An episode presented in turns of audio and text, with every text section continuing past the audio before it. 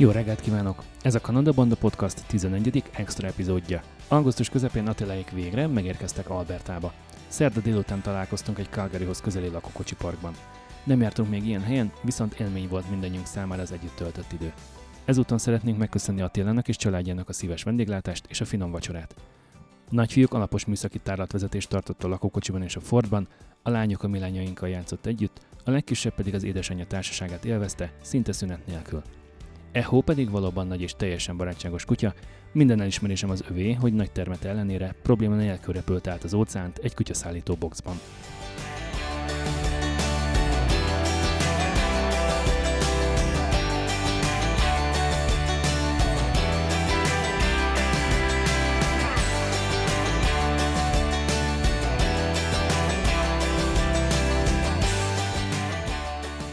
Molnár család rajton kívül egy másik magyar családot is vendégül látott aznap, így a saját három gyermekük mellett összesen további öt játszott és cseverészett a lakókocsiban és a körül, miközben Echo és a szintén vendégségbe érkezett másik kutyus az árnyékban pihent. A 30 fokos melegben egy frissítő hideg sör és a grillsütőkön elkészített különböző ízletes ételek után a kemping egyik csendesebb sarkába sétáltam Attillával, és ott hangzott el a következőkben hallható beszélgetés, amelyet az iPhone-ommal rögzítettem. Az esetleges hanghibákért elnézéseteket kérem.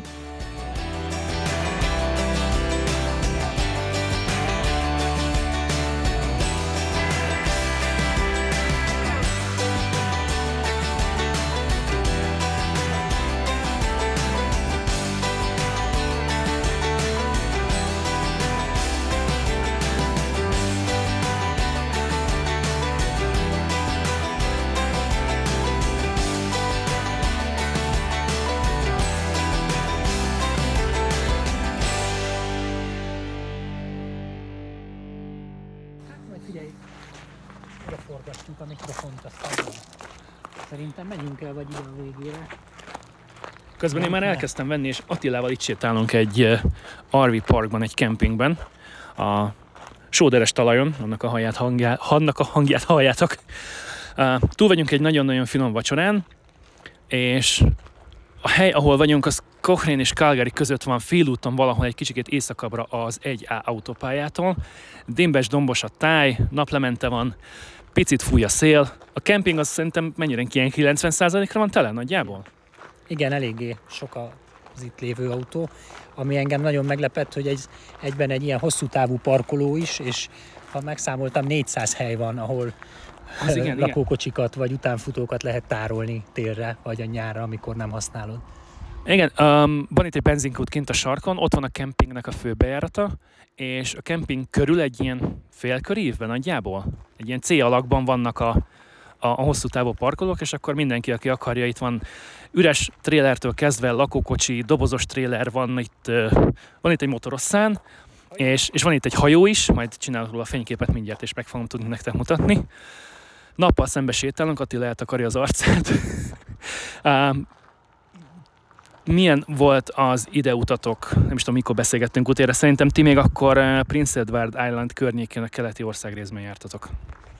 Igen, hát egy hosszú kanyarral jöttünk ide, elmentünk Delaverbe az USA-ban, ami azért egy jó 2000 kilométeres kitérő volt az eredeti. Ez egy nem, nem tervezett kitérő volt, ha jól sejtem. E, Igen, itt volt egy kis bonyodalom a rendszám kiadása körül az autóval, ami, aminél más mondott a kereskedő, mint ami végül történt, és mégiscsak el kellett vinnünk személyesen Delaverbe az autót ahhoz, hogy megkaphassuk a végleges rendszámot. Úgyhogy nem így terveztük, de igazából abból a keleti széléből Kanadának Maine-en keresztül az USA-ban is egy nagyon szép úton mentünk, úgyhogy nem bosszankodtunk ezen túl sokat, hanem akkor így nem ugyanazon az úton mentünk vissza, amerre oda jutottunk Montreal felől, hanem dél felé mentünk, és Maine-en át lementünk Delaverbe. Ebbe belefért egy megálló New Yorkban, szinte a belvárosban, 5 percre a, a nevezetességektől egy teljesen szürreális ilyen városi kempingben, a toronyházak tövében. Attilának a Toacross blogján ott van a teljes leírás ennek az útnak, és van mellékelve egy videó is, azt mindenféleképpen olvassátok el, és nézzétek meg, kérlek. Igen, volt egy nem tervezett kanyarunk Manhattanben is, mert hogy át szerettünk volna menni de Manhattan déli részén a kempinghez, de az az alagút, ami a magasságkorlátozásba belefért volna, az, az trélereket és gáztartályos autókat nem engedett át, úgyhogy így nem tudtunk arra átmenni, ezért vissza kellett mennünk teljesen keresztül Manhattanen át egészen északra egy jó másfél-két órás kerülővel, és így bejártuk Töviről hegyire Manhattant. Egyébként szombat délelőtt voltunk, nem volt túl nagy forgalom, nagyon élveztük, és egy városnézéssel is felért. Aztán megálltatok a Niagaránál, és akkor, ha jól sejtem, onnan azért elég gyorsan ideértetek. Így, így visszanézve az idővonalat, ez mennyi volt nagyjából két hét? New York-tól Calgaryig? Igen, két-három hétbe belefért. Itt kicsit sűrűbbre vettük a menéses napokat, és kevesebbet álltunk egy helybe. Igen, a feleséged említette, hogy 400 kilométeres napi vezetés volt? Amit volt, 420 volt a legtöbb, a, a, jól emlékszem, és 350-eket mentünk egymás után többször is, és aztán végül most az elmúlt négy napot azt egy nagyon szép helyen töltöttük, Cypress Hills néven egy olyan nemzeti park, ami Alberta és Saskatchewan határán van, az egyetlen, vagy első ilyen interprovinciális nemzeti park, nagyon-nagyon szép hillnek hívják ugyan, de most meglepődve láttam, hogy 1250 méter magas, tehát egy kicsit... Igen, egy, egy domba prérin nagyjából. Igen, egy nagy domba prérin, gyönyörű fenyőfákkal, égigérő 30-40 méter magas gyönyörű. gyönyörű erdővel, és egy tóval, medencés úszodával, meg mindenféle szolgáltatással, úgyhogy abban a kempingben pihentünk most négy napot, minden nap kirándultunk, a család nagy része elment lovagolni, elmentünk minigolfozni a gyerekekkel, úgyhogy egy csomó olyan jó programunk volt, amivel egy kicsit bepótoltuk a sok vezetés utáni fáradalmakat. Utána az idefele vezető úton Albertában megnéztetek-e már valamit, ami, ami emlékezetes, vagy amit esetleg a gyerekek szerettek volna látni?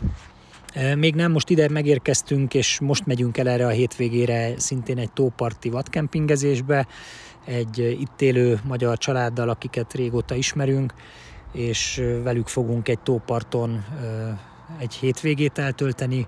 Ők hoznak kvadot, motorokat és grillt és minden egyéb funkciót a, a vadkempingezéshez, úgyhogy ezt is nagyon várjuk a gyerekekkel, és aztán utána tervezzük a legnagyobb nevezetességeket, amit már a Canadian Rockies hegység, a Banff és Jasper és az összes köztelévő Icefield Parkway és egyéb nagy híres tavak és hegycsúcsok, ami, ami tényleg egy különleges környezet. Mikor legelőször beszélgettünk, akkor említetted, hogy Alaszka lehet, hogy meg lesz. Most tettetek egy New Yorki extra kitérőt, most úgy néz ki lehet, hogy nem lesz meg, és beszélgettünk itt a vacsora és azt mondtad, hogy elképzelhető, hogy bele fog férni, és akkor meglátogatjátok Alaszkát is.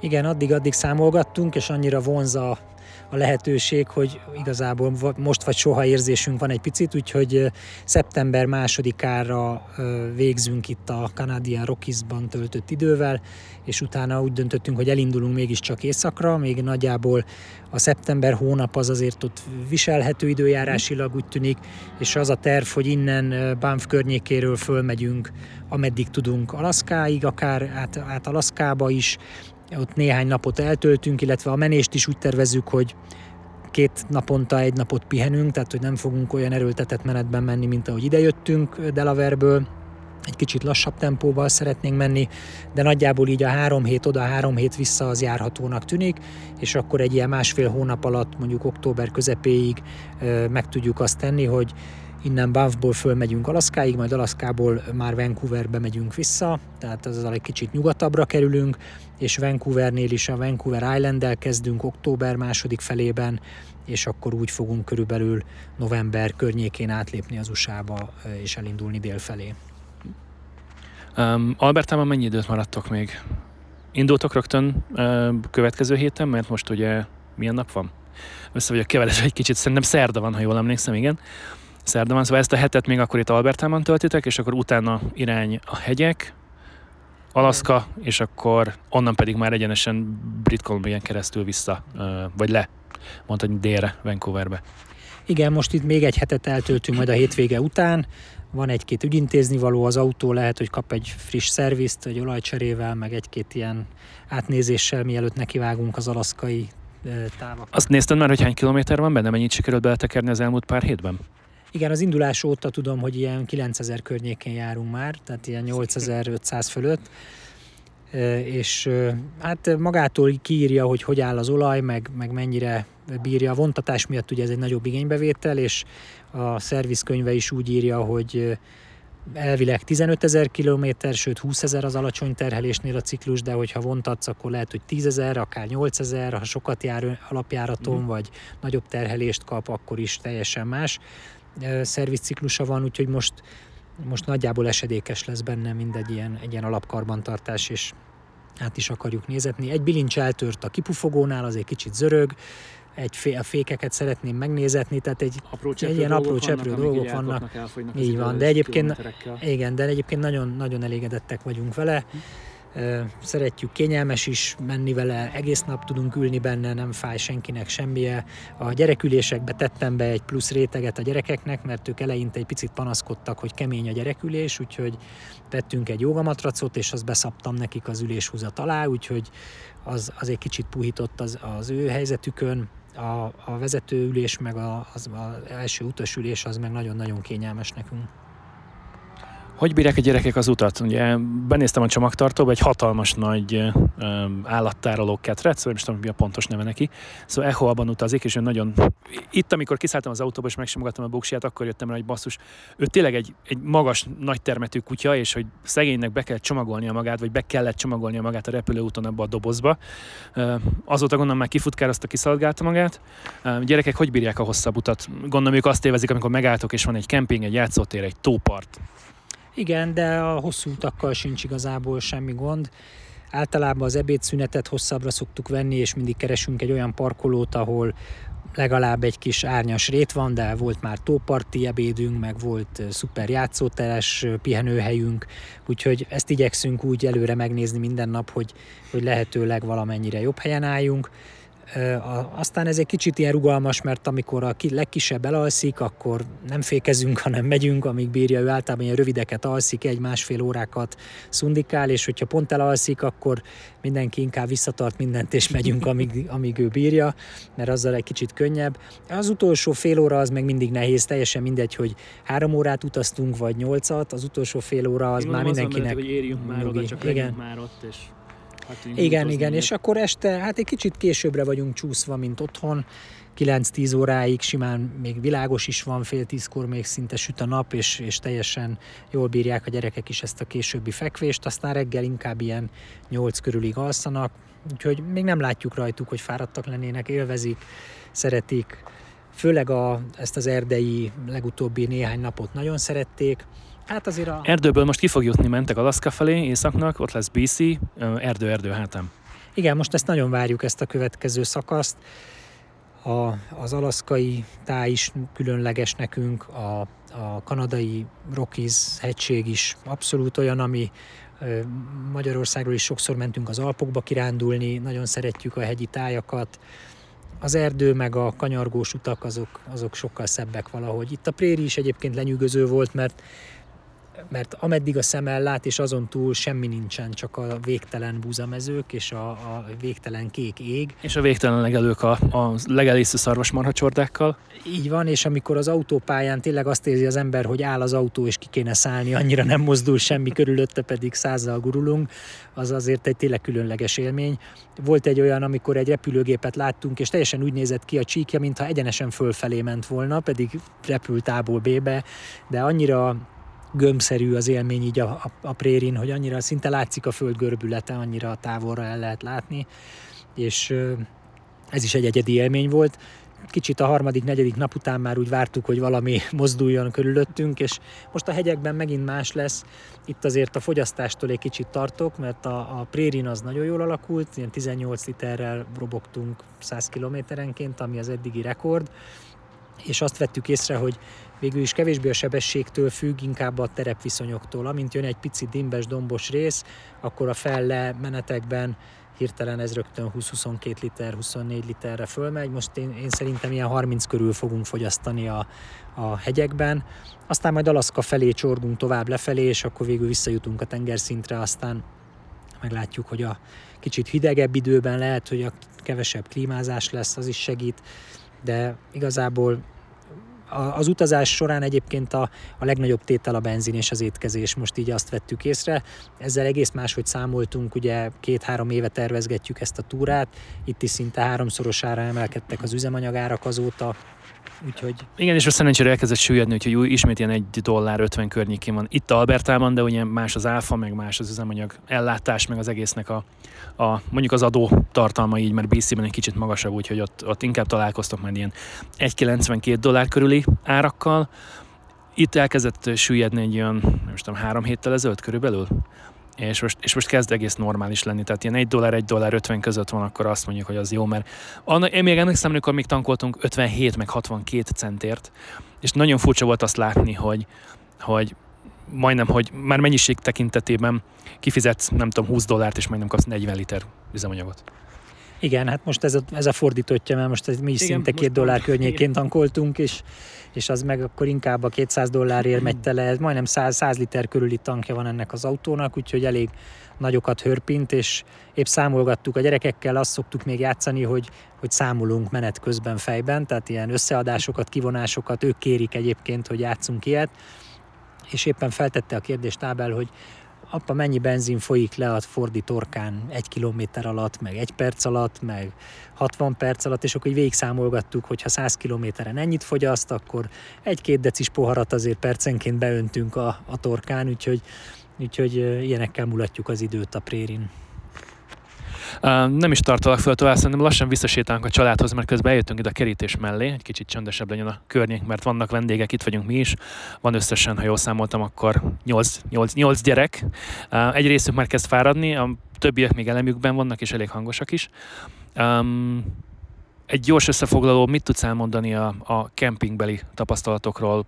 Abszolút pozitív, vagy van esetleg olyan, ami kevésbé pozitív, de azért mégis érdemes megemlíteni, hogy aki, aki hasonló dologra, hasonló utazásra, túrára szállja el magát, akkor, akkor ő tudjon reálisan számolni avval, hogy, hogy mire kell felkészülnie. Nagyon pozitív a kép, a, a kempingek nagyon jól felszereltek, jó minőségű általában, eddig legalábbis mindig kifogtuk, hogy tiszta, nagyméretű fürdőszobák. Nekünk a, nedve, a, a nemzeti parkok a kedvenceink, ott viszonylag távol vannak egymástól a kempingezők, tehát nem is zavarjuk egymást. Itt de eléggé egy... közel vannak az utánfutók, azt néztem. Itt hogy, most hogy... igen, de egyébként az is nekem egy furcsaság, vagy egy pozitív meglepetés, hogy hogy a magyar kempinges fórumokban folyamatosan a panaszkodást lehet olvasni arról, hogy este sokáig megy a buli, meg hangosak az emberek, meg zeneszó van, meg nem tudnak aludni, és itt ez abszolút nem jellemző. 10-11-ig kint ülnek a tábortüzek mellett az emberek, beszélgetnek, de nincsen hangos zeneszó, és 11 után pedig minden kempingben szinte quiet time van, ami azt jelenti, hogy se generátor nem mehet, se zene nem mehet, se hangos dolog nem történhet, és tényleg nagyon jókat alszunk, tudunk pihenni, nagyon nagyon kulturáltan odafigyelnek egymásra az emberek, nem zavarják egymást. És a kempingekre visszatérve a, a nemzeti parkokban, most ahol legutóbb jártunk például a Cypress Hillen, egy lakásnak beillő méretű ilyen családi fürdőszobába tudtunk zuhanyozni, ahol Igen, WC is. Képeket, szuper, egyszerűen tényleg ez nagyon klassz. Hogy, hogy komolyan az ember megirigy, megirigyli a, a kempingnek a fürdőszobáját, vagy a mosdóját, mert, mert tágas, um, fel van újítva, jól felszerelt. Így tiszta. van, és igen, és, és abszolút, abszolút kényelmes. És amit még ebben váltogatunk, ez a Harvest Host nevű oldal és a, a Terego nevű kanadai oldal, ahol pedig egy-egy éjszakára golfpályákon, farmokon, magánházaknál lehet megállni és meg lehet pihenni. Itt is nagyon jó élményeink voltak, legtöbb helyen még áramot és vizet is adtak, nem is fogadtak el érte pénzt se, tehát abszolút barátságosak, és többnyire olyan, olyan emberek, akik maguk is lakókocsiznak, és tudják, hogy egy ilyen hosszú úton a napi 6-8-10 óra vezetés után jól esik megállni valahol, és amikor a legnagyobb forróságban az ember mégiscsak kap áramot és le tudja hűteni a lakókocsit, akkor az nagyon jól tud lenni, de igazából a teljesen nomád megállóink is nagyon jók voltak, akkor lehet gyorsan grillezni egyet a külső konyhában, és úgy dőlünk az ágyba, mint akit fejbe vágtak, úgyhogy nincs gond az alvással. Ez köszönhető a jó levegőnek is szerintem, és BC-ben még inkább ilyen lesz, mert szerencsére nagyon kevés az erdőtűz, és igazán minimális mennyiségű az, amiről tudomásom van, és, és kevés füst is jön át a szél által a, a hegyekből ide a prérinek a, a szélére, és hogy mennyire van itt csönd, az autópályán elhaladó autóknak az zaját lehet hallani, időnként egyik kutyusokat egy kicsit a másikra, illetve van itt mellettük egy nagy tréler, és, és annak a tetején a klíma az, ami zúg, és, és ezt lehet hallani, és tényleg nem üvölteti a rádiót, a tévét senki. Nincsenek részek, dajdajozások, és tényleg a, itt van előttem egy darab fű a korlát mögött, és hát egyforma magasságúra van levágva a gyep. Tényleg szemét nincsen szétdobálva, nagyon rendezett, gondozott ez az egész intézmény, vagy az egész, az egész kemping, és nem csak a kemping, hanem mellettünk a tároló is, ahol a, a, a hosszú távú vagy hosszú távra lerakott utánfutók és hajók, és nem is tudom, hogy itt még valamilyen másik autó is le van parkolva. Attila, köszönöm szépen a vendéglátást, vagy köszönjük szépen a vendéglátást, de ezt majd még a családdal is elmondjuk a te családodnak. Köszönöm szépen, hogy a rendelkezésünkre álltál, és további jó utat, és érezzétek jól magatokat itt Kálgeri mellett Albertában. Köszönjük szépen mi is a kedves szavakat, a jól, jól tartást, a, a, a jó tanácsokat és, és a figyelmet mindenkinek. Igyekszünk. Sziasztok!